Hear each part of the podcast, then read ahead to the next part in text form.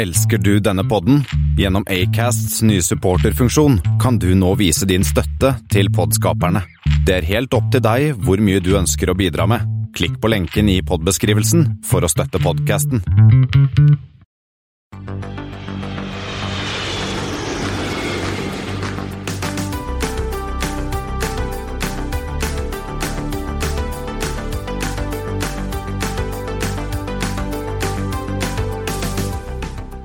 Hei og velkommen til Flypoddens flight 155. Som vanlig fra hver vår hjemmelounge, skal vi kalle det. Hører du som vanlig.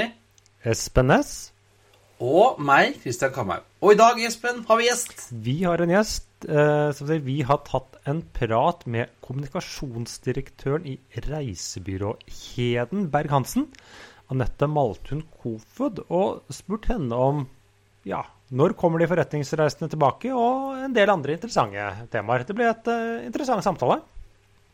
Ja, og det kommer vi tilbake til senere i episoden, der vi også skal ta en kikk på den nye SAS-treffen. Vi har status på Norwegian. Flyby er tilbake. Nytt flyselskap på trappene i Indonesia. Og By Aerospace har lansert en helelektrisk konkurrent til King Air, mens hydrogenflyet til Zero Avia gikk ikke så bra med. Men aller først, Espen, tre flighter, og jeg har en flymodell. Ja, vi skal da begynne med EI 155 LHR-DUB. Det er Erlinges eh, Heathrow til eh, Dublin. Det stemmer, og den eh, er faktisk en flight som går så vidt jeg kunne se, da, så langt jeg gadd å scrolle meg tilbake i Flightradar 24 sin historie, så går den med Airbus A321 LR. Det er vel litt overkill, vel? Ja, men det er fordi at de bruker den kortere distanser over Atlanteren. Så da har de en sånn liten slått på morgenen som skal inn, og så fi... Ja, og da Den har jo ganske bra business class og litt sånne ting, jeg har lest. Da feeder jo den deres nettverk i Dublin. Ja, for skal, sånn, du, har, du har tid til å slinge den en liten tur innom Heathrow, for det er jo ikke lange biten. Det er, var det en times tid? Ja, noe sånt noe. Det er en, en kort tur. Og så får du da et tilbyr et bra produkt mellom Dublin og Heathrow lavprisselskapet Air Lingus tilbyr da et langt bedre produkt enn eh, BA. Fly-BA til Dublin, forresten. Men, eller de andre, men da er det i hvert fall Ja. Ja, så hvis man skal mellom Dublin og Heathrow, så skal man sjanse på den der EI eh, e 155, da. Ja, og så vet jeg ikke hva returen eller den andre veien heter, om det er 54 eller 56, men eh, ja. Og så uh, har vi AA 155, LHR til SEA. American Heathrow til Seattle. Ja, den går med en 777-200 ER. Det var jo en sånn rute som ble starta for ja, Det er ganske, ganske ny. Ja, som en del av liksom American prøver å Eller det er deres samarbeid med bl.a. Alaska. Så de har økt på Seattle og så kommet med noen langruter. Nå ble vel ikke alle startet uh, det, helt med en gang som planlagt, men det er noe sånt som skjer. Ja. Og så har vi en liten, liten raring. LM 155. Hva er det selskapet Det er vel Er det Loganer? Det er Loganer, ja. Men er, dette er en liten sånn hopp til hopp. Så det er INV til SYY til BEB med en Saab 340. Ja, den starter i hvert fall i Inverness i Skottland, da. Starter i Inverness, og så går den ut i Stornoway og Benbecula utpå Hebridene. Hebridene, ja. Ja, den er morsom. Den, mm. den hadde vært gøy å ta. Den hadde vært uh, gøy å ta. Og så er det Er tema ja, alle, alle, går, de, men de har jo da en felles ting. Britiske øyer?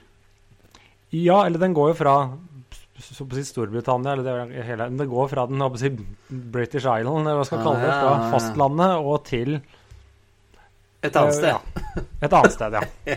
ja. ja. Ja, eh, jeg kan se Dublin er en øy. Eh, Hebridene øyer. Seattle eh, kaller Det er ikke en øy, men går over havet, ja, som ja, går fra liksom ja. ja. Men jeg ser, jeg, jeg ser, hvor du skal her, Espen. Ja.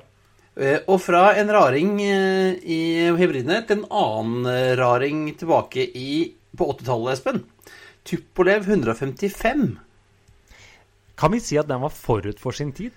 Ganske, vil jeg si. For vi var inne Tupolev 154 forrige uke. Og Tupolev 155 den er jo ganske lik eh, 154. Ja. Er jo egentlig en 154. Ja. Men den går ikke på Jet A1.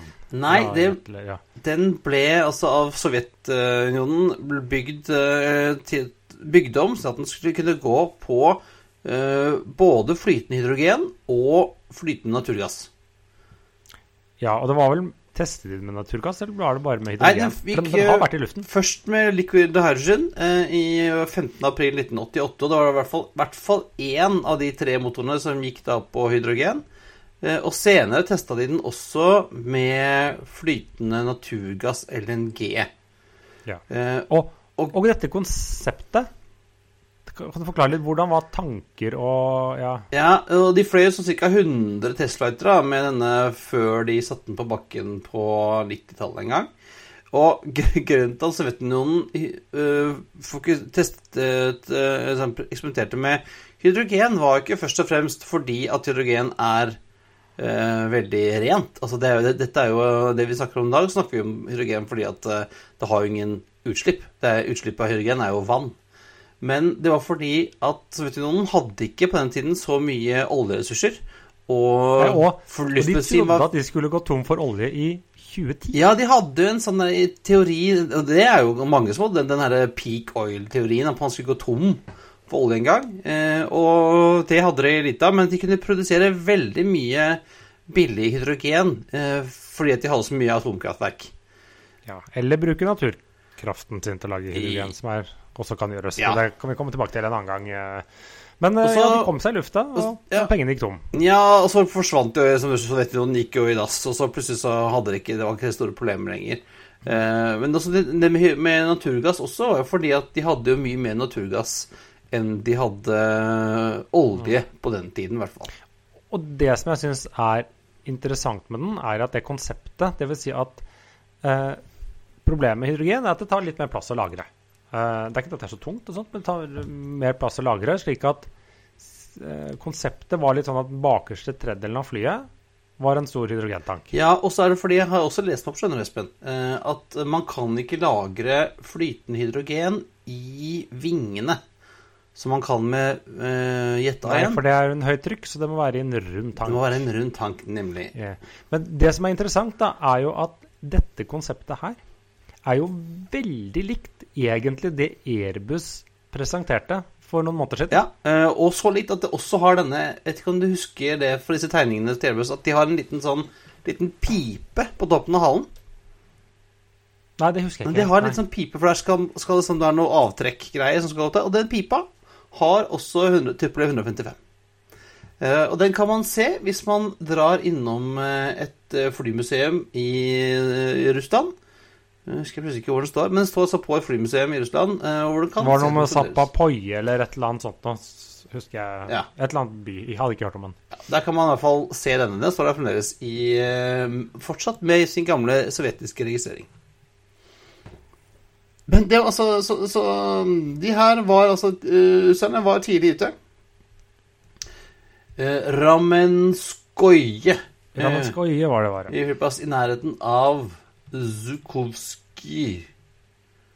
Som er i nærheten av Moskva, så det er faktisk ikke så gærent. Man skulle kunne klare å komme seg dit og kikke på Tupolev 155 hvis man har lyst til det. Men eh, skal vi gå til mer aktuelle saker? Eh, Hydrogen er jo egentlig litt aktuelt, men vi får vel se hva har skjedd den siste uken. Spørs eh, om ikke vi skal tilbake til hydrogen senere. Eh, ikke lenge etter at vi slapp forrige episode, så kom jo eh, en pressemelding fra Stockholm om at eh, SAS sitt eh, styre hadde ansatt ny konsernsjef etter Rikard Gustavsson. Ja, med det artige navnet Anko van der Werf. Og det er jo sikkert helt normalt navn i Nederland, for dette er altså en nederlender. Ja, eh, 45 år gammel. Nederlender som har altså en imponerende luftfartsbakgrunn. Ja, Det det må man si. Han, har vel jobbet i flybransjen Det virker som det er der han har jobbet. Han begynte da i, i KLM, eh, som etter hvert ble Air France KLM, og jobbet seg opp fra litt sånn pricing director i forskjellige posisjoner. Og så var han bl.a. i tre år innom forskjellige roller i eh, både marketing manager og regional manager for Sverige, Finland og Baltics i KLM eh, Air France. I, Air France ja, I Stockholm. Så visstnok så har han uh, Snakker han jo svensk? Eh, og så var han en tur som kommersiell direktør da for Air France KLM i eh, Storbritannia og Irland. Så var han fire år i Qatar Airways, senior vice president pricing and revenue management, blant annet. Og så var han jo i Fra 14 til 19 i fem år var han jo eh, da chief commercial officer eh, i Air Mexico. Ja. Og så har han da i to siste årene, eller fra 2019, vært da sjefen for Avianca Holdings, som er vel det overselskapet til alle disse Avianca-flyselskapene. Ja. Eh, altså, det er jo Han er jo en, en først, førstemann på veldig mange ting. Han er jo den første ikke-skandinaver som leder SAS.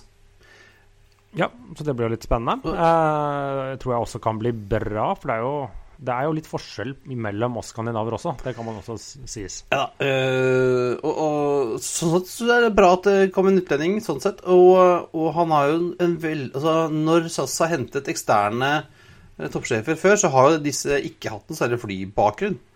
Som Nei, eh, han her har vel bare flybakgrunn. Ja. Det, ja. eh, og som gammel, jeg som gammel revenue manager må jeg jo si at jeg syns det er gøy at en fyr som starta i pricing, der jeg også begynte, eh, har kommet seg helt opp til toppsjefen i stillingen SAS. Ja, det, han klarte mer enn jeg klarte, da, kan du si. Han har ikke podkast, da. Nei, altså, hvem vet? Han virker som en fyr som kunne sikkert fiksa det også. Og så er det gøy også at han nå, uh, fram til han tar over i løpet av høsten, vel, så er det jo Kalle, Kalle Sandlund eh, som er refungerende CEO, og etterpå da skal være Chief Commercial Officer, som jeg også har jobbet sammen med back in the day, som også er en gammel pricing-mann. Men det er jo en relativt både på å si da kommersiell direktør og konsernsjefen i USA Det er jo han, for å være en helt opplevelse, relativt lav alder. Ja, de er ganske Og, og resten De er vel 45 begge to? rundt Ja, der? ja. Eh, Hvis ikke jeg husker feil, så hadde Kalle Sandlund en sånn, sånn hobby at han kjørte, han kjørte trailer på sommeren. Sånn for Ja, gøy. hvorfor ikke? Ja, hvorfor ikke? Nei, jeg, jeg så Vi har jo vært snakk om både van der Werf og, og han eh, Cruise, tidligere BA-sjefen, var jo også en, en som var en, en kandidat. Jeg syns jo at uh, valget av eh, van der Werf synes jeg er helt strålende. Det synes jeg her tror jeg Ja, det, det virker som en bedre kandidat enn de andre som hadde lekket ut. I hvert fall han Alex Cruz er litt usikker på, men eh, jeg tror en nederlender passer bedre i en et skandinavisk selskap enn en spanjol. Da kunne det fort blitt litt krasj. Ja, jeg tror Det jo, det. og det man trenger i SAS, er jo mindre krasj. Ikke, ikke sånn eh, flyene skal krasje, men faktisk at folk begynner å prate sammen. Nei, eh, så er jo noen som har på sagt at ja, ja, men altså Avianca gikk jo konk på hans De slet jo men det før Ja, de, for å si sånn, Avianca slet før han kom inn, og han har jo sluset den mer eller mindre gjennom en chapter 11. Og eh, korona kan jo ikke han få skylden for. For det er jo det at det er jo ikke et selskap, eller alle de selskapene har jo i praksis gått konkurs. SAS, SAS gikk konkurs i fjor, de. De var teknisk konkurs. Det var bare at istedenfor å rydde opp og gjøre det skikkelig med en chapter 11, som de nødvendigvis ikke har muligheten til i Sverige, så valgte de å redde dem på en annen måte. Akkurat sånn Lufthansa var konkurs i fjor. Alle var, konkurs i fjor. Bortsett fra Ryanair, kanskje. Eh, Ryanair og Wizz var det eneste som ikke var konkurs. Eh, men så er det bare man har valgt forskjellige løsninger og kall det si redde merkevaren eller rydde opp på eh, hvordan man måtte eh, definere det. Ja. Så Rikard Gustafsson han sier takk for seg i mai, når Kalle Sandlund eh, overtar. Og så kommer da Anko inn i juli. Han sta- starter jo pent, og det er jo ingen svensker på jobb i juli. Alle på Torpet. ja. Ja, eh, så lykke til, Anko. Vi har lyst til å være gjest i podkasten vår, så bare bli med. Men også har du kikka litt på Norwegian sin status, Espen. Der skjer det ting. Ja, og de har jo nå gjort, som jeg har argumentert for, at kanskje SAS burde ha gjort det samme. Andre selskaper de har gjort en clean and cut konkursbehandling eller rekonstruksjon. Kommer ut nå på nye siden med nesten blanke ark. Eh, men det som har skjedd, da, er jo at de har nå annonsert Du kan jo knapt nok kalle det nytt, men eh, ja, at de skulle hente 6 milliarder. Det snakket vi om for to-tre uker siden. Og nå er det liksom eh, annonsert formelt. Eh, av dette, av disse 6 milliardene kronene, så er 1,8 og noe Det er jo denne evigvarende obligasjonen, hvor halvannen milliard eh, tas av den norske staten, som er sånn hybridkapital, regnes som egenkapital. Eksisterende aksjonærer sånt, kan få tegne seg for 400 millioner kroner. Men siste og en halv og noe, eller hva det måtte være, det er da nye investorer som kommer inn. Og der kom det jo noen navn. Dvs. Si at de har allerede sikret 2,9 milliarder. Så dette er jo allerede boks. Men det er jo da en av de som er med der, skal være Geveran Trading. Og det er jo kjent som privatselskapet til Jon Fredriksen. Ja, øh, eh, men altså, skal han Er ikke han bare sånn bjellesaua? Skal ikke han bare inn, og så skal han ut igjen med en gang, tror du? Han har hittil vært lenger inne enn mange andre, men så er det også bl.a. dette Sundt-familien sitt investeringsselskap og Ludvig Lorentzen og tilknyttede, som også er liksom to sånne private investeringsselskap av gamle formuer. Eh, og så er det bl.a. DNB Asset Management og Nordea Investment Management og Folketrygdfondet. Og disse var vel også involvert i både Norse og Flyr. Ja, så de får se da hvor mange som er eh, på den aksjonærlista når de begynner å slippe aksjene løs igjen, da. Ja, Men flere av disse har jo litt, litt lang, eh, lengre perspektiv. Men det, det betyr jo at da er jo Norwegian da har jo de redusert gjelden. De er ikke gjeldsfrie som en del andre, men mesteparten er snakk om leasingforpliktelser, som egentlig alle selskaper da vil ha. er at de, de snakker om at de liksom i normaldrift da, istedenfor å ha 68 milliarder eller hva det var i gjeld, så er det et sted rundt 16-18 milliarder. Men av dette så er ca. litt under halvparten, 6, rundt 6-7 milliarder, relatert til flyene. Ja, og det er ikke så mange fly de har igjen heller. Det blir jo over 50 fly. Ja. Uh, så det er per fly er jo ikke så ille.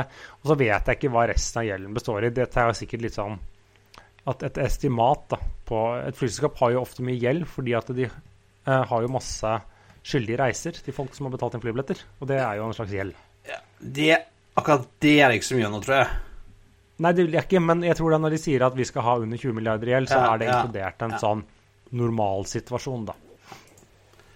Ja, det er veldig, veldig bra. veldig bra. Det har kommet seg på andre sida. Nå får vi se hvor lang tid det tar da, til eh, folk kan ta flyet. Nå er det jo, skjer det jo ting på i EU i hvert fall, om at man skal kunne reise med dette, disse vaksinepassene. og sånn. og man forventer at Eller Norge har vel sagt at de skal hive seg på samme, samme, samordning. Det er flere land nå, som jeg leste senest i dag, som begynner å bli litt sånn på grensa til å bli gule igjen istedenfor rød, så man slipper den der eh, oppholdet på Jessheim.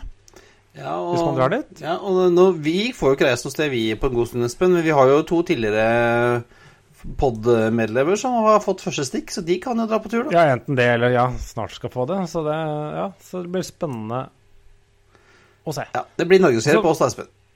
Ja, det blir norgesferie på oss. Eh, Men eh, det er jo også noen flere som prøver å komme seg tilbake i luften. Ja, vi har jo ledd Som vi trodde var død og begravet Ja. for lengst. Vi har ledd mye av Flyby i siste, som sier at de skal starte og sånn. Men nå ser det ut som de skal eh, komme til lufta. De har fått slotts og greier. Og fly. Ja, og ikke minst investorer, penger. Disse Cyrus Capital, eh, som var jo med eide vel var det en tredjedel eller noe rundt omkring der av, av selskapet før, har jo kjøpt opp eh, boet eller merkevaren for en slikk og ingenting. De har fått seg noen eh, Q400. Eh, de hentet jo ikke inn en tidligere Flyby Q400, de gikk en, fant en gammel Austrian. eh, når de først startet opp. Eh, men og har da fått slotts på Heathrow.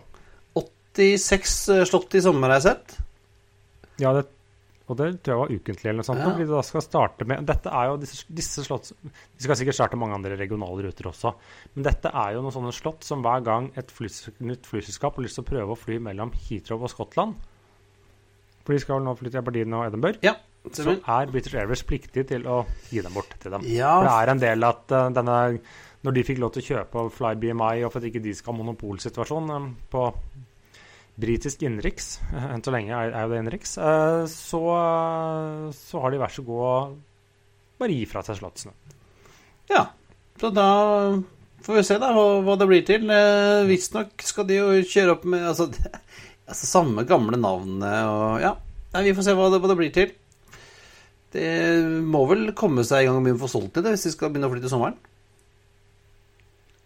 Nei, det, det blir spennende å se. Ja, og mens noen uh, har pisker en gammel uh, død hest, så det, har vi et nytt flyselskap på trappene i Indonesia, Espen, med det kline navnet Super Airjet. Ja, eh, det er det teiteste navnet jeg har hørt. Uh, men det er jo litt sånn Dette er Er det egentlig helt nytt? Eller hva, hva er dette? For dette er jo nok et selskap som springer ut fra Lion Air Group, eller Lion Air-familien, og gründerne bak det. De har jo allerede Lion Air Indonesia, så har de Malindo i Malaysia, Thai Lion Air i Batik? Thailand, Batik Air Vel, i, allerede i, i den. Ja, så tror jeg de har et Jeg tror dette er det sjette selskapet. Hvorfor du må ha tre-fire separate selskap i uh, Indonesia, det skjønner jeg ikke helt. Kan Um, ha noe med, visstnok leste jeg et eller annet sted, om at de krangla litt med noen leasingselskaper og sånn. Ja, det kan være det. Og så ser jeg at uh, hvilken, Hva slags gruppe skulle dette være? De får full uh, score på bullshit-bingoen. De skal være a low-cost airline business model focused on tech-obsessed millennials with a propensity to travel. Oh, der har vi den. Det er jo er, det, er, det er ikke oss, Espen. Vi er ikke millennials. Nei, vi er ikke millennials, så Og du er, Men, ikke, ja. tech, du, og du er ikke veldig tech-obsessed heller. Jeg er akkurat nok tech-obsessed. Men eh, de har i hvert fall fått uh, Du kalte dem uh, De viser et bilde med uniformen deres. Jeg synes det var litt sånn, Hadde det vært oransje, hadde det vært fangeuniformer, men du kalte dem militære. Det er litt, det er litt sånn uh, Det ser ut som de har noe, de er noe militæraktig. De har noen cargo-bukser og noe sånn, ser ut som noen sånn feltjakker i noe beige. Sist sett beige. på han derre Kim Il-jung oppe i Nord-Korea, bare litt lysere farge. Ja. Ja, uh, ja, det ser ut som ja, et eller annet rart. Uh, men de er altså skal ut og fly. Har i hvert fall én Airbus A320 som har fått, uh, blitt malt i Super Airjet-fargene. Som matcher disse uniformene litt, syns jeg. Eh, Og vi er klare til å ta imot veddemål. Hvilken flyplass og hvor lenge går det til? Første fly er utfor en rullebane. ja. Vi snakker Indonesia. Vi snakker Indonesia. Uh, og det er litt spes, da at dette er en A320. De er jo ikke Lion Group eh, vant til å drive med. De har jo Jo, Batik. Batik har det, stemmer. A320, Så de har hatt, og de har hatt også flere ja, bestillinger på det. Så dette er ikke Den, den Ja. første her er X-Air Indigo, uh, som de skal ha fått leasa veldig billig et eller annet sted. Eh, ikke, har ikke, de har fått fly og uniform, men ingen webside, så vi vet ikke helt hva de skal selge. Men vi får se.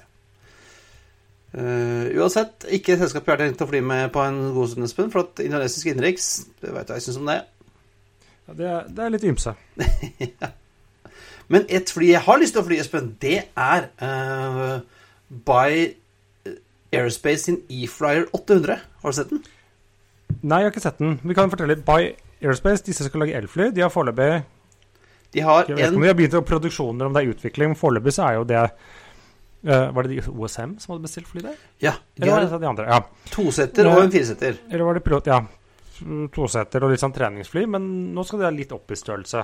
Ja, denne E-Flyer 800 er en tomotors uh, maskin. Opptil åtte seter, inkludert flyger, flyger eller flygere. Uh, omtrent eh, pris som, en sånn King Air 260, litt i samme størrelsesorden. Så- Altså, da er vi sånn à la det som flyr som sånn luftab luftambulanse. Ja, Lens, Sånn ish. Vi er vi er der, in, in, cirka. Ja. Uh, og skal da gå på strøm. På batteri. Uh, sier, de sier nå at uh, regner med at den skal være i drift om noen fire til seks år. Eh, kan være både som ambulansefly og som airtaxi og VIP-fly. Lover en rekkevidde på ca. 900 km, så den skulle dekke meste av Sør-Skandinavia i hvert fall. Kommer nesten til London fra Oslo, så du bare sånn stoppe i Bergen, så kommer du, kommer du deg til London. Eh, men helt altså zero emissions. Og de lover også da driftskostnader på en femtedel av tilsvarende øh, fly i dag. ja, det blir spennende. Eh, det er fortsatt bitte lite fly. Bitte litt fly. eh, Ganske mange år til den eh, er klar også. Ja. Men kan vi fly med Zero Avias hydrogenfly, forresten? Vi er også noen andre som foreløp forsøker å utvikle et utslippsfly. Ja, Utfri... Nei, da gir jeg opp. Et fly som ikke slipper ut så mye stæsj. Ja. ja Zero Avia er jo et Er det engelsk, eller? Ja, de er fall, Jeg tror det er engelskish. Ja, De holder på i Storbritannia i hvert fall, og Ja. har BA som, uh, som partner. Og har én sånn Piper Malibu. Har eller hadde? Ja, de, de har den jo, men altså Har fått en liten bulk. Uh, Den hadde hva, sa, hva sa pressemeldingen? Den hadde litt uhell på Cranfield flyplass i Var det i helgen? Uh, nå på torsdag? Ja, torsdag var det vel. Forrige uke. De hadde Ja, litt eh, uhell, uh, men det var ikke så, var, ikke så farlig. Nei, første pressemelding så, første, så sa de at eh, et lite uhell med 'slightly damaged airplane'. Og så fikk jeg et bilde hvor de hadde, så jeg det bilder, og da hadde jo den ene vingen Venstrevingen var jo revet av. så den er rimelig eh, beat up, kan du si. Men dette skjedde da altså visstnok etter at flyet hadde landet, og den kjørte, satte visst hjulet fast i noe For dette er jo et sånt gressbane. Eh, som satte visst fast hjulet et eller annet sted, og så krasja den rundt. da. Eh, ser ganske beat up ut, men de påstår eh, at sånn den langsiktige planen for å innføre hydrogenfly, den er ikke i fare, da. Eh, Og det, som man ser, det var jo ikke noen sånn eksplosjon og nei, ting som gikk i lufta eller noe. Det var rett og slett bare at vingen knakk. ingen Som knakk. også er litt, litt dumt, da, men det skjedde heldigvis ikke i lufta. Men jeg er litt usikker på å skal drive med litt sånn eksperimentelle ting. Skal du da bruke en gressbane som er humpete og sånne ting? Burde vært på et liksom litt ordentlig sted. Men ja, Ja. dem om det. Ja. Uh, de har iallfall tidligere testa sånne flyvninger rundt i Orkenøyene og sånn. Uh, har en plan om å bygge en 50-seters uh, fly eh, som skal kunne fly rundt omkring, da, med støtte fra, fra British Airways blant annet. Så vi ønsker Zero Avia lykke til. Nå har, vi jo, har de jo Zero Airplanes, så ja, vi får se hva de finner på. Men vi var jo inne på tidligere i sendingen. Vi har hatt en spennende samtale. Vi har snakket med Anette Kofot uh, i uh, Berg-Hansen. Uh, mest kjent som et reisebyrå for forretningsreisende. Bruker dere Men de selger også feriereiser og sånne ting. Ja. Kanskje det er lurt i disse dager, hvor det er greit å ha noen som kan hjelpe deg i når det skjer litt ting, og flyene blir kansellert og den type ting. Det kommer Anette tilbake til. Så vi, skal vi bare sette over til Anette, eller? Kjør på.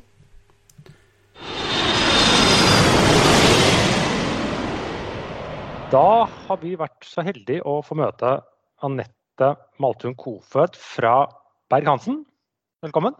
Ja, takk for det. Takk for at jeg fikk komme.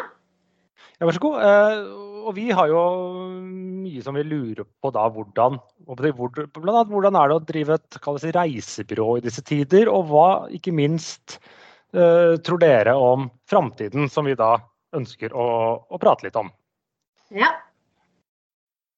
Så hva, ja, hvordan er det egentlig? Har dere noen kunder der ute? Er det noen som booker billetter? Hvordan, hvordan, hvordan går det, rett og slett? ja. Du, eh, det som er, alle blir overrasket når jeg sier at vi har faktisk hele veien hatt en sånn 20-30 eh, trafikk. Eh, og det er jo de såkalte nødvendige reisene. Uh, og man Nå vil, jo, at nå vil jo Espen og jeg påstå at alle reiser med fly er nødvendig. ja, Det tror jeg ikke Bent Høie er helt enig. Jeg tror det er mange som følger deg på det. Nei, men det er klart, så vi sier litt sånn eh, enkelt er at du bygger faktisk ikke vindmøller på Teams. Eh, og det er noe med det. Og jeg tror man blir litt overrasket over at eh, vi som sitter i sånne type møter som du kan gjøre digitalt, vi tenker jo men det må jo alle kunne gjøre. Men det er mange som skal rundt, det er mannskapsskifte. altså Verden går rundt, det må gjøres ting. Og vi hjelper de reisende av gårde på det. Så det er ca. 30% trafikk. Og så sitter vi da på den andre siden, og det er jo veldig hyggelig. For etter påske så jo, eh, er jo mange som begynner å skjønne at nå åpner det seg snart opp. Så nå kan vi snart begynne å reise. Eh, Og det smitter jo over på oss som jobber med det også, så vi får mye forespørsler nå på reiser. Men det ligger litt lenger frem i tid, men folk tør å booke nå for neste år. Så det er først og fremst jul og vinterferie til neste år, ikke minst neste sommer. Eh, Så jeg merker på en sånn yrende reiselyst hos, hos alle sammen. Det, det kan jeg jo kjenne meg igjen. for jeg, Som vi snakket om på episoden for to uker siden, så hadde jeg booket Gran Canaria-tur sommeren 2022 eh, da. Eh, men litt som du var inne på, du sier at dette er et eh, Det er jo fortsatt 20-30 eller det har vært det hele. Eh, men det har vel kanskje vært med, har det vært ekstra eller vanskelig jobb med en del av disse reisene? For I og med at det har jo rett og slett ikke gått fly, så har det rett og slett også vært da mer jobb for dere. Jeg, jeg jobbet selv innen, innenfor noen som driver med båter rundt omkring i, i, verden. Og jeg forstår det sånn at et problem er at det var, var ikke noe problem å gjøre crewbytte overalt før. Men uh, nå går det jo ikke noe fly. Så er det vært en stor utfordring for dere? Ja, det har vært eh, kjempevanskelig, og vi bruker eh, masse tid på, på hver enkelt reise. Og det vi også ser, er at eh, det er ikke like enkelt å booke digitalt heller. Så det er mye endringer. Og så er det mye man må sette seg inn i i forhold til dokumentasjon, ulike regler. Alt er ulikt fra land til land. Flyselskapene endrer reiseruter hele tiden. Så vi bruker, altså skal du, Innenriks er jo forholdsvis greit, eh, men skal du med en gang, og særlig spesielt i USA, så må du tenke helt andre type flyalternativer enn det vi normalt sett tenker. Og så vet du at det, eh, den reisen kan endres raskt. Eh, og det er få alternativer også, dersom fly blir kansellert eller endret. Også, så forstår jeg det også slik at hvis det blir endret sånn at du plutselig skal fly via Frankfurt istedenfor Amsterdam, så er det andre regler som gjelder? Ja, ja, ja. Eh, så du kan si at eh, vi er veldig glad for at vi har eh, fantastiske dyktige reiserådgivere som er vant til dette og trent på dette, og har vært hos oss i mange år. Og jeg, de jobber som bare det når de er på, og må bryne seg på hvert enkelt tilfelle. Så I starten så var det jo nesten sånn at vi kunne bruke en hel dag på bare én som skulle til USA. Ja, det det er litt, litt, som i gamle dager, da. Ja, ja, ja det er det definitivt. Eh, så har vi jo noen som også, det har vi fått lov til å bryne oss litt på, det har ikke vært mye, men det er jo noen som også velger å chartre fly fordi at man nettopp skal ha cruiseskifter eller flere av gårde samtidig. Da har gjort det enklere å slippe disse mellomlandingene som da har ulike reiseregler igjen. Ja, det, men allikevel, det, altså det er jo ikke det samme når du er ned på 20-30% av, av det som var før mars i fjor. Nei. Så må det jo være litt, sånn, litt utfordrende. Ja. Um, Se, men, og du sa du ser litt sånn lys i tunnelen med noe feriebooking framover? Ja, vi, vi, begynner å merke at folk eh, Vi ser jo selv lys i tunnelen også. Altså, det vi gjorde i fjor, var jo å ta selskapet så raskt ned som vi kunne. Eh, vi var veldig tidlig ute, eh, for vi så at dette her kunne bli, bli, tungt. Og det var jeg veldig glad for, for da fikk vi dratt ned kostnadene. Men det Per Arne Villassen sa den gangen, som er sjefen, han sa vi skal også være de første til å ta selskapet tilbake.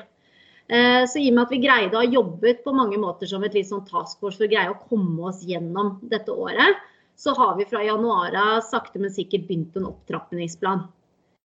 Eh, og da får vi, Det vi har gjort, er å begynne å få folk sakte og gradvis tilbake igjen også. Så nå har vi alle mer eller mindre tilbake i en 50% stilling eller 100% stilling. Og det er også Noe av det vi har valgt å gjøre, er å ta folk tilbake heller flere i 50% stilling enn færre i 100% stilling. Så vi er med på den utviklingen og får også ombordet folk igjen. For det kommer til å bli veldig hektisk når det åpner seg opp. Ja, er, Da kommer ketsjupen som du snakker om, Espen. Det, det, dere forventer den? Den ketsjup-effekten, Anette? Ja, definitivt. Jeg trodde du spurte Espen. Definitivt. Vi forventer en ketsjup-effekt til, um, til, høsten. Eh, både innenfor privatreiser, og også særlig tror vi møter og konferanser. Og så tror vi at eh, jobbreiser nok kommer til Det har vi sett også i utlandet, at det er først privatreiser faktisk som tar seg opp igjen, eh, men at jobbreiser henger noe etter. Eh, og dette vil jo følge myndighetenes reiseråd også. For vi ser jo med en gang det er en pressekonferanse, med en gang det åpner opp litt, eller for den saks skyld stenger, så er det inn på telefonen til oss. da er det med en gang. Så jeg tror så fort myndigheten nå slipper opp, så er eh, folk på telefonen med en gang og skal bestille seg reise privat og komme seg ut. Ja, Man snakker jo om denne oppdemmet reisebehovet privat, som jeg tror de fleste er enige om er der ute. Men så har jeg også hørt noen som har hørt eller spekulert at det også innenfor forretningstrafikken er en form for litt sånn oppdemmet behov, kanskje ikke i like stor grad. Eh, er det noe dere ja. Eh, har synspunkter på? Ja, Det er veldig interessant. for Mange har jo sagt med en gang at eh, når det gjelder jobbreiser, skal vi bare kutte. Nå ser vi at vi ikke trenger, vi sparer så mye på jobbreiser. Og Der var jo også kundene våre ganske sånn i starten etter noen måneder. Eh, og så ser vi at det begynner å bli mer og flere, flere som sier at det, nå må vi komme i gang igjen. For det er så mange prosjekter som har blitt satt på hold. Eh, og det er klart at ja, jeg tror at noen av møtene som man tidligere reiste for, de kan man ha digitalt nå. Og det vil man gjøre fremover. Men man har et behov for å komme i gang med flere aktiviteter og flere møter. Vi ser at det er det som driver eh, selskapene videre. Det er der innovasjonen sitter. Eh, og sånn sett så har jo jobbreise, altså Vi er veldig temperatur på norsk økonomi, har vært det i alle år. Når man ser det begynner å falle på jobbreiser, så ser man etterpå at økonomien faller noe. Eh, og som sagt så har vi jo da selvfølgelig fått eh, digitale møter som vi tar over for noe. Men samtidig så vil det være et nytt behov for å møtes igjen. Så jeg pleier å si at uh, nødvendige møter, akkurat det begrepet, har nok endret seg litt. Uh, og vil endre seg fremover. Fordi at uh, bedriftene kommer til å se at det er en del nødvendige møter også, men de må ha mye klare regler for når er det greit å ta et digitalt møte, og, og når skal vi møtes. og i det så ser vi også noe som jeg tror vi vil se enda mer frem, fremover også, er at tidligere hadde vi nok mye mer én-til-én-møter, eh, og man reiste med dem. Nå vil man samle flere møter samtidig. Så vi vil få mer overnatting. I, våre statistikker så ser vi da at det er dagsturer, mye dagsturer. Der tror vi vi heller ser mer, eh, flere overnattinger hvor man samler flere aktiviteter. Kanskje middag, noe sosialt, og flere møter på likt når man først skal ut og reise. Ja, det, det, hører jeg også folk hos meg også snakker om. At det der, å, å, stikke til Stockholm for å ha to timers lunsjmøte, det det er ferdig. Men ja. der, man vil gjerne komme i gang med et prosjekt eller starte ja. noen greier. eller bli, Når man har kjøpt et selskap, og så vil man komme over, så, så, da, ta en hel dag, og så tar du, tar du middag og gjør noe sosialt, og så reiser du hjem neste dag. Mm. Eh, så vi ser nok med, Jeg tror nok um, Olav Thon og, og Petter Stordalen kommer til å bli happy når de ser den nye, den nye reisehverdagen.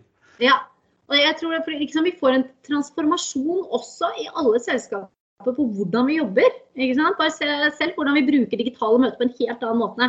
Men det kommer noen konsekvenser etterpå som også altså, går utover reisingen. altså Vil bli førende for akkurat hvordan vi reiser, hvordan vi bor. Og jeg tror også det du er innom der med hotellene. Før så var det jo helt fullt mellom tirsdag og torsdag. Da, da, da, var det nesten umulig å få eh, rom i de største byene hvis ikke du var tidlig ute. Den tror vi også kanskje vil flate seg litt mer ut. At du ikke blir så pakket innpå akkurat de, eh, det, det, tidspunktet. At man er mer fleksibel på hvordan man, eh, man jobber. Og ja, jeg, vi er ganske enige om at, der, at, Teams har ikke tatt livet av, av forretningsreisen. Det, det, er sånt, det, er et ønske om å komme tilbake. Jeg har jo i mitt selskap en konsernsjef som kom inn uh, i desember hvor, uh, og, og, har et sånt ønske om å besøke alle 100 lokalkontorer. Og har jo ikke kunnet. Han har vært på ett, tror jeg. Ja. Uh, men har sånt, sånn veldig ønske om å komme ut og møte folk. ikke sant? Ja. Men, det, men det er jo litt som man sier at selv om det er ikke sikkert at det er behov for 20 daglige fly til Oslo, Stockholm hver dag framover, men det kan være at du trenger 17. Mm. Det, det, tror jeg også tror jeg det, det, vi også skal ta inn over her, og vi, vi, vil jo si at egentlig er dette veldig bra. Eh, for før covid-19 så snakket vi om at vi må reise mindre, og det har vi jobbet med de største selskapene på, som har vært kunder hos oss de siste 10-15 årene. Og Derfor tør vi også si med tanke på bærekraft. Så dette er fantastisk i forhold til det. For vi må få ned antall flyreiser, og i hvert fall der vi såkalt en unødvendig flyreiser. Hvis vi kan være litt smartere på måten vi reiser på i forbindelse med jobb, om det er fly eller om det er tog, og prøver å pakke mer ting sammen, så vil jo det også være bedre for miljøet. Og det er viktig. Ja, for, for, det var jo sånn allerede før, eh, før 13.3 i fjor, så var det jo altså Sverige hadde jo stor nedgang i passasjertrafikken pga. Mye, mye flyskam i Sverige. Og, og sier det der, jeg tror veldig mange i denne, denne, perioden har tenkt mye mer på bærekraft enn de har gjort uh, før. Mm. Sant? Um, så har vi ikke hatt verktøyene på den måten. Da, fordi at du kan tenke deg før, eh, før, vi ble tvunget til å gå over på digitale møter, så var det jo veldig mange som ikke tok dette i bruk, og det ble ikke naturlig. Men nå har vi alle blitt tvunget til å, til å ta møtene digitalt. Og jeg ser jo selv også bare fra første møte vi hadde til de siste møtene du har nå, så er jo alle mye mer trent på Teams og lært seg tommel opp og er med på en helt annen måte. Så, så sånn sett så har jo covid vært bra, da, hvis vi kan si noe som har vært bra med covid. At vi har kommet oss opp så digitalt og kan bruke det i, eh, i samme samstemthet med også jobbreiser. da. Så vi, er, vi, kommer tilbake, men ikke på samme nivå som i 2019, tror dere, eller? Altså det, det vi, vi, har sett, da, er jo at det, jo mer folk trenger å møtes, eh, reiser bare eskalerer. Og Derfor turte vi også å si at det, vi må reise mindre. Så på et eller annet nivå så tror jeg nok vi kommer til å komme tilbake på 2019-nivå. Spørsmålet er bare når. Eh, jeg har sett Noen har uttalt at 2022, vi nærmer oss med 2024. Komme tilbake på det nivået. Ja, for Det kan vi komme litt tilbake til nå. for det, Der er det jo veldig mange synspunkter ute og går. Noen sier at enkelt si, kall det nærforretningstrafikken kan være tilbake allerede til neste år, mens andre er mer pessimistiske og sier si, opp til aldri eller mange år fram i tid. Mm.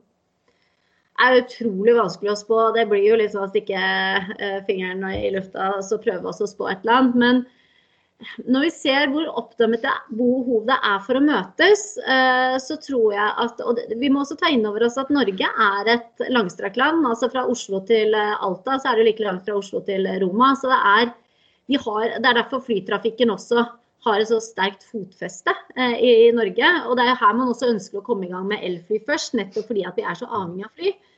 Eh, så, så det, og det er jo fordi det er et behov der. Vi flyr jo ikke fordi det er så veldig morsomt. Eh, eller noen gjør det også, så det er feil å si på denne podkasten. Ingen kommentar, er det? Men si norsk innenrikstrafikk, så er det nok ikke alle som syns det er alltid like gøy å sette seg på et fly.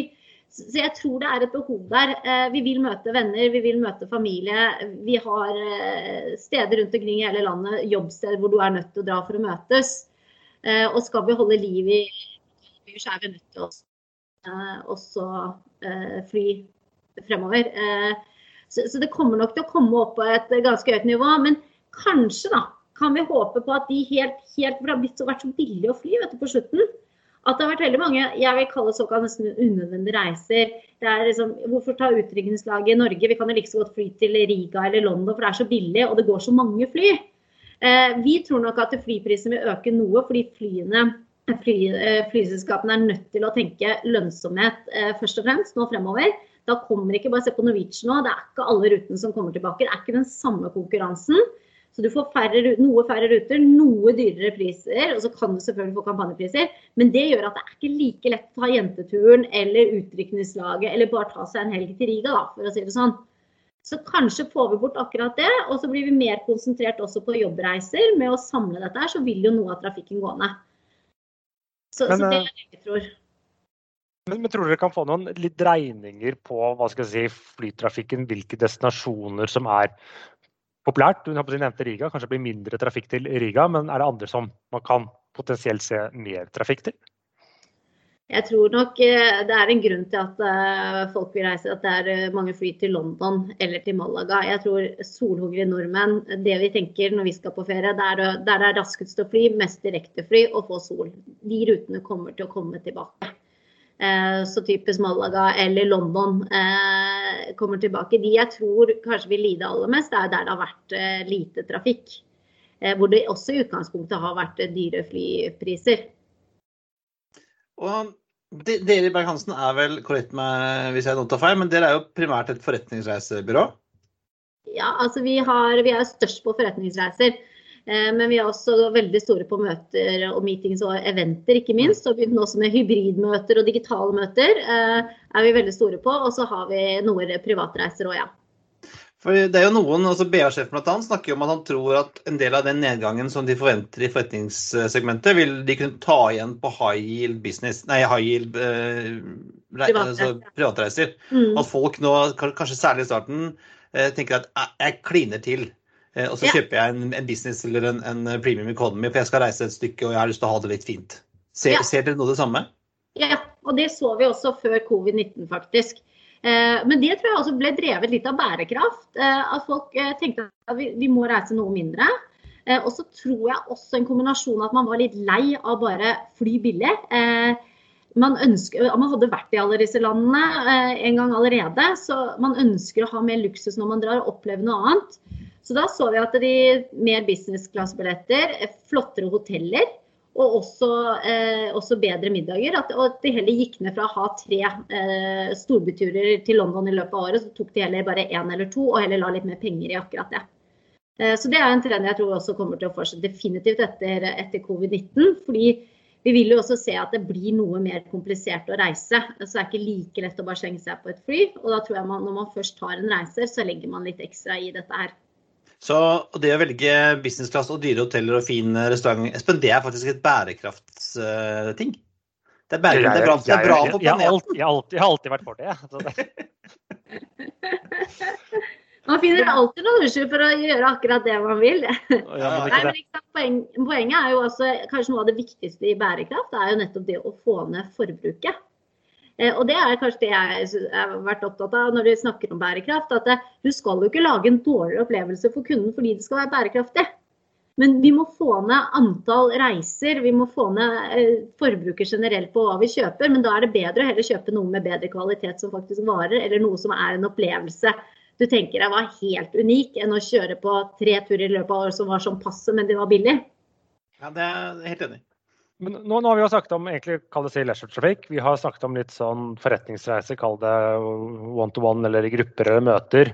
Eh, Mm. jeg forstår jo også at eh, tidligere har jo kurs- og konferansemarkedet vært viktig. Eh, Ja. hvordan, er sånn, har dere noen synspunkter om det? For det er jo ikke sikkert at, at eh, neste gang man kan samle 200 i en sal, er det kanskje det første som åpnes opp for? Ja. Nei, altså Det vi merker er at eh, Men det er kanskje i forhold til jobbreiser, hvor vi ser, vil heller se nedgang i forhold til hvilke møter du faktisk kan ta digitalt, så er det noe bedriftene er opptatt av akkurat nå. Det er å få i gang eh, lagsamarbeidet.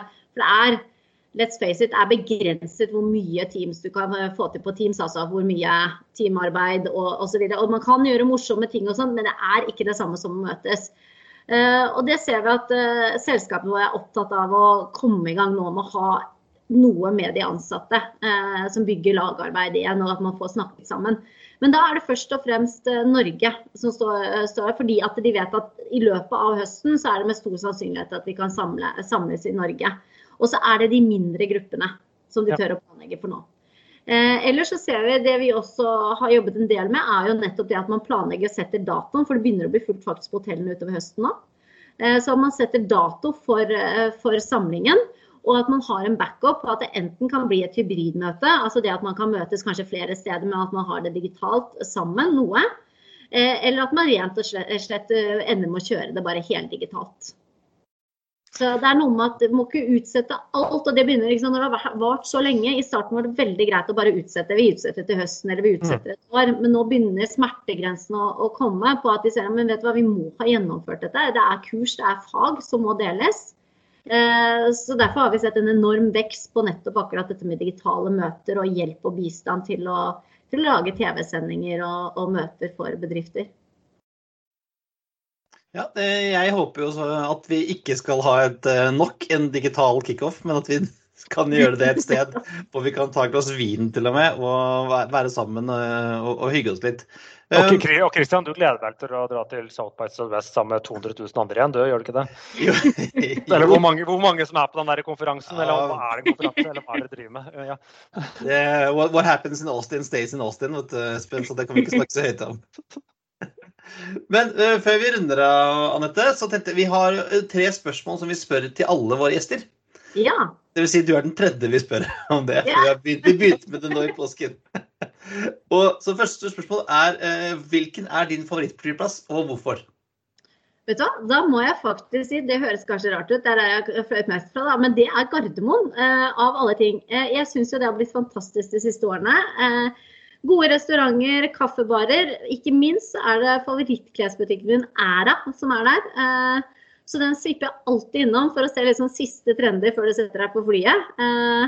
Så der vet jeg, Det er Cecilie som driver den, og hun er liksom på de siste trendene. Og da er det OK å få en oppdatering. Så sånn holder jeg meg oppdatert. Og det savner jeg skikkelig nå. Skjønner jeg? Ja, men altså det, Vi har jo snakket om det før. altså.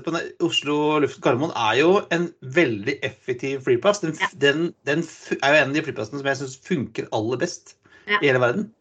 Og jeg ser også det med butikken. Jeg har kjøpt mye skjorter på flyplasser, sånn prosentvis av det jeg har. Altså. Så det, Det er så deilig, for det er også presanger, og at du bare tar det med deg, så har du gjort det. Skal det si mer om din skjortesmak enn en, en, enn hva det gjelder, Espen? Men, eh, men eh, ja, Oslo lufthavn er bra. Eh, Og eh, det er den er enkel. eh, Vindu eller midtgang? Eh, vindu.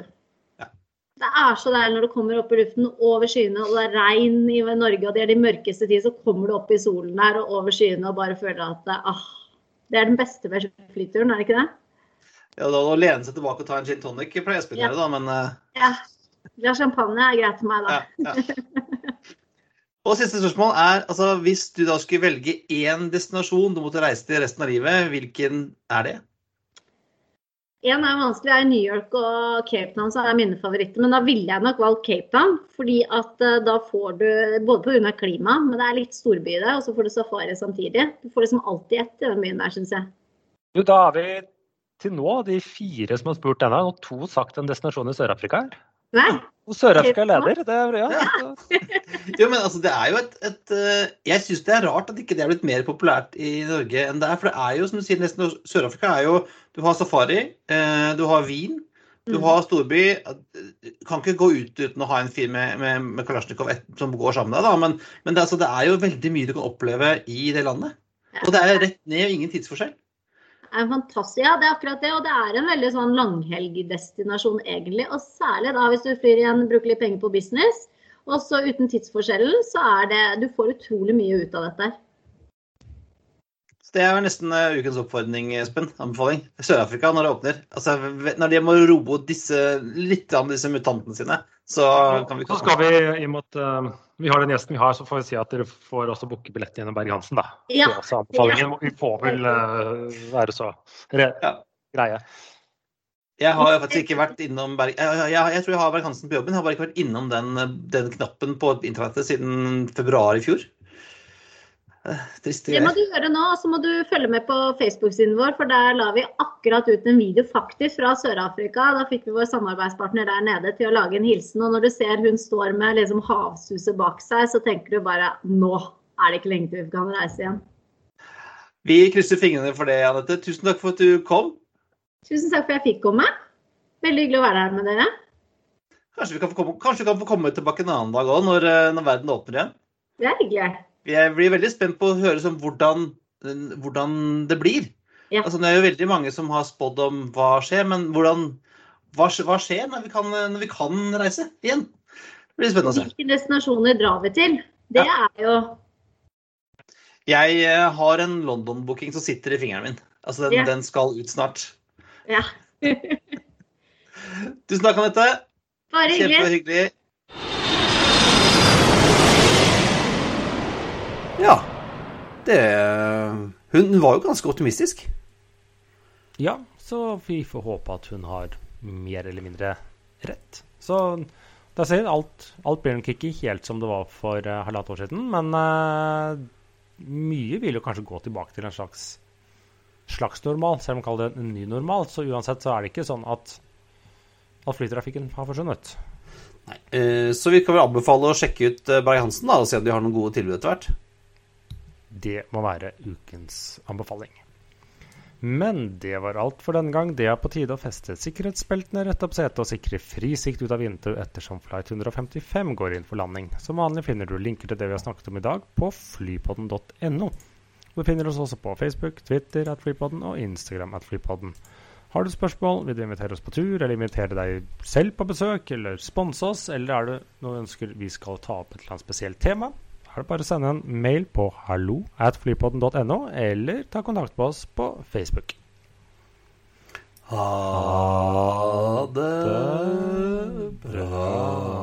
We thank you for flying with us today. We truly appreciate your business and look forward to serving you on a future flight.